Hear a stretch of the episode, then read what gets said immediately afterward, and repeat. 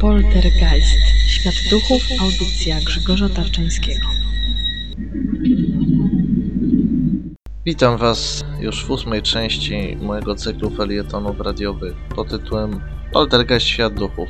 Jak e, większość już z Was wie, nazywam się Grzegorz Tarczyński i od wielu lat zajmuję się zagadnieniami ze sfer e, parapsychologii.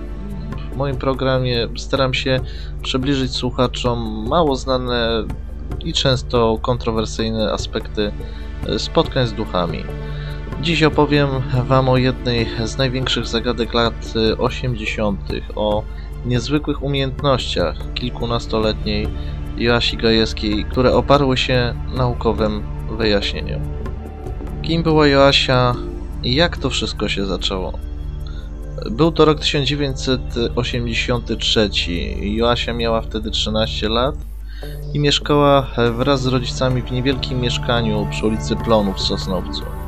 W zasadzie do tego okresu nie wyróżniała się niczym szczególnym spośród rówieśników.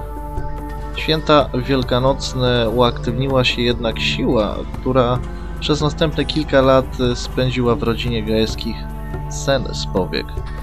Tego dnia był to 4 kwietnia, a pan Gajewski wyszedł do pracy na nocną zmianę. W mieszkaniu pozostała matka Joasi i jej dziadek, który z racji późnej pory postanowił przenocować u córki. Kiedy wszyscy położyli się spać, zaczął się horror. Pan Marian Tomecki, dziadek Joasi, twierdził, że obudził się w nocy czując na sobie słomianą matę, która, jak się zdawało, oderwała się ze ściany. Kiedy starał się ją z powrotem umocować, czuł, że wyrywa mu się z rąk, jakby ciągnęła go jakaś niewidzialna siła. Była to jakby uwertura tego, co miało stać się za chwilę.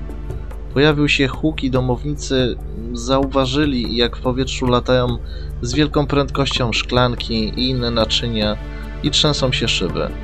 W powietrzu latały również zapałki, które zapalały się jakby za pośrednictwem niewidzialnej ręki. Przerażona trójka uciekła do mieszkania sąsiadów państwa Jachów. Pan Jach, stojąc w progu, zobaczył piekło, które rozgrywało się w mieszkaniu państwa Gajewskich. W kolejnych dniach na miejscu zjawiła się milicja, aby sporządzić raport z dziwnych zdarzeń, jakie zachodzą w tym mieszkaniu. Starszy sierżant Tadeusz Słowik widzi na własne oczy, jak w mieszkaniu Gajewskich sprzęty samoczynnie unoszą się w powietrzu. Sporządza z tego raport, ale początkowo nikt nie jest w stanie powiedzieć, dlaczego tak się dzieje. Naczelny architekt Sosnowca twierdzi, że winne jest osiadanie ścian budynków. Ekspertyza tego nie potwierdza, z racji tego, że w mieszkaniu zdają się dziać rzeczy niezwykłe, utrudniające normalne życie. Prezydent Sosnowca decyduje się o przyspieszeniu przydziału nowego mieszkania. Rodzina państwa Gajewskich przeprowadza się do Czeladzi. Niestety w ślad za nimi podąża tajemnicza siła.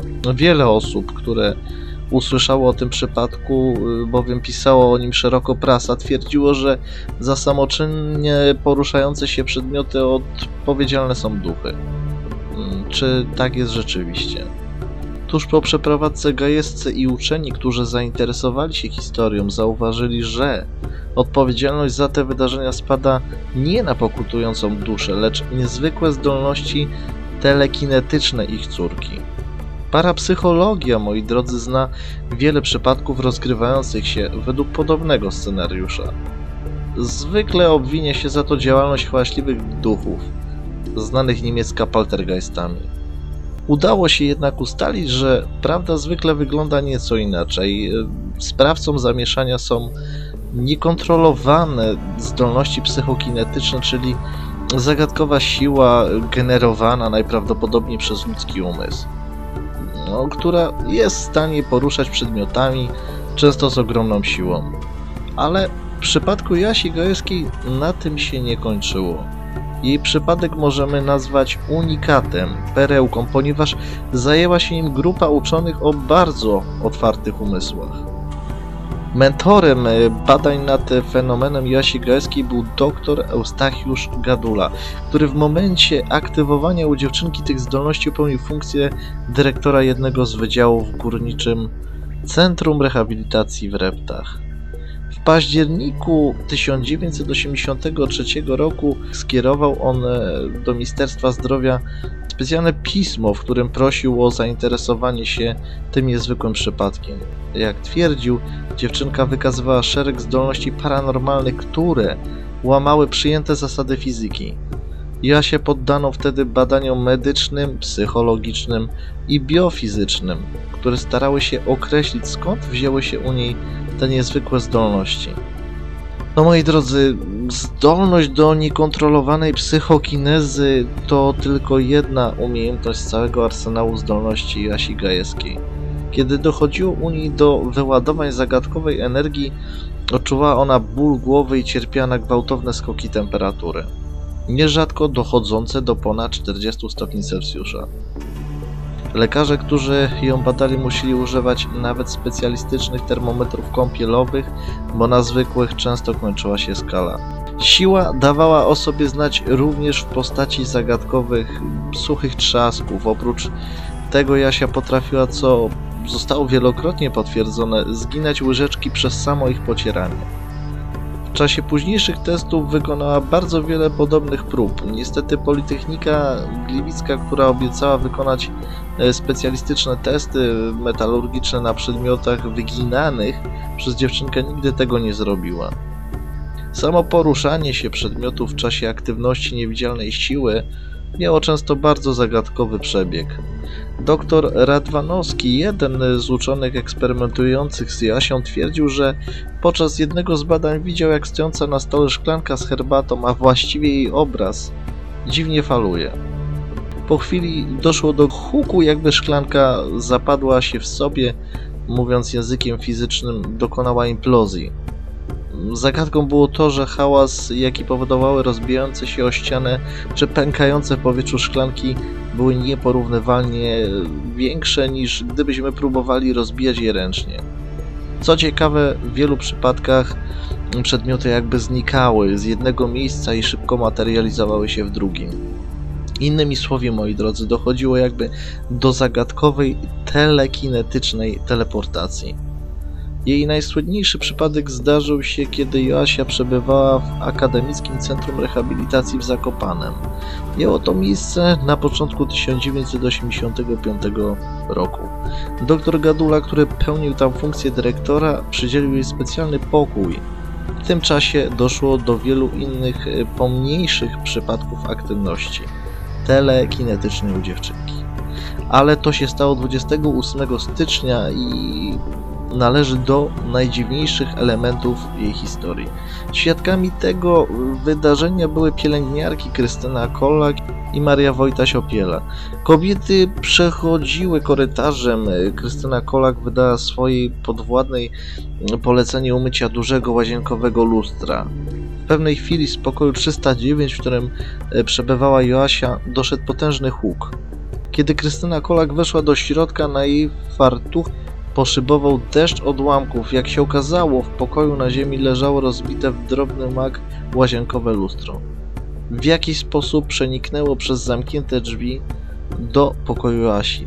Tylko pytanie jak? Tego nikt nie potrafił wytłumaczyć.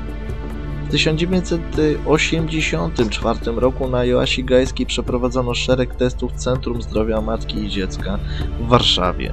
Sporządzono raport również o bardzo dużej wartości. Mówił, opisane wyniki eksperymentów wskazują, że mamy do czynienia ze zjawiskiem oddziaływania organizmu żywego na otaczającego przedmioty, nie dającego się zinterpretować na gruncie znanych zjawisk fizycznych.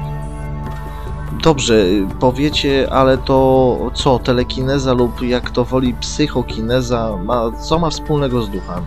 Otóż ma. Jak już mówiłem, przypadki spontanicznego uwalniania tej energii brane są często za działalność duchów, y, paltergeistów. W rzeczywistości przyczyna nie leży jednak w zaświatach, a najprawdopodobniej w nieodkrytych dotąd możliwościach ludzkiego umysłu. Zdolności telekinetyczne, co ciekawe, występują zwykle u dziewcząt w okresie dojrzewania i mogą mieć jakiś związek ze zmianami hormonalnymi zachodzącymi w ich organizmie. Skąd jednak bierze się zagadkowa siła? Na to do końca nie udało się odpowiedzieć. Na pewno Joasia nie emitowała żadnego wykrywalnego oddziaływania elektromagnetycznego, cieplnego lub innego. Przypadek Joasi i upór doktora Gaduli sprawiły, że to jeden z najlepiej naukowo opisanych przypadków zjawiska paranormalnego w Polsce. Telekineza, o czym już y, mówi się znacznie mniej, e, aktywowała się również u innych dzieci, mniej więcej w tym samym okresie co fenomen sosnowiecki. W Sochaczewie mieszkała Joasia Sokół, która również zadziwiała umiejętnością niekontrolowanej psychokinezy. Z kolei w Myszkowie podobne właściwości wykazywała córka państwa Kudrysów. Y, Ten przypadek był może jeszcze dziwniejszy od historii Joasi Gajskiej, a to głównie przez natężenie energii emitowanej przez dziewczynkę. Niestety nie wiadomo o nim praktycznie nic poza opisami w prasie. Oczywiście to też y, nie całość fenomenów odnotowanych w przypadku Sosnowca. W Joasi zdarzyły się bowiem inne doświadczenia, jak na przykład przebłyski telepatii czy umiejętność y, ściągania wody. Jeśli ktoś z Was chce dowiedzieć się więcej o przypadku Jasi Gajskiej, zachęcam Was do przeczytania książki Nieuchwytna siła autorstwa pana Marka Rymuszki. To jest redaktor naczelny Nieznanego Świata oraz y, Anny Ostrzyckiej. Przypominam też, że archiwalnych audycji Poltergeista posłuchać możecie na forum Infra. Znajdziecie tam również adres, skąd ściągnąć można audycję w formacie MP3, jeżeli ktoś chciałby posłuchać jej y, na odtwarzaczu czy też komputerze. Przypominam również, y, moi drodzy, że czekam na Wasze relacje i opowieści o dziwnych doświadczeniach. Naprawdę nie bójcie się o tym mówić.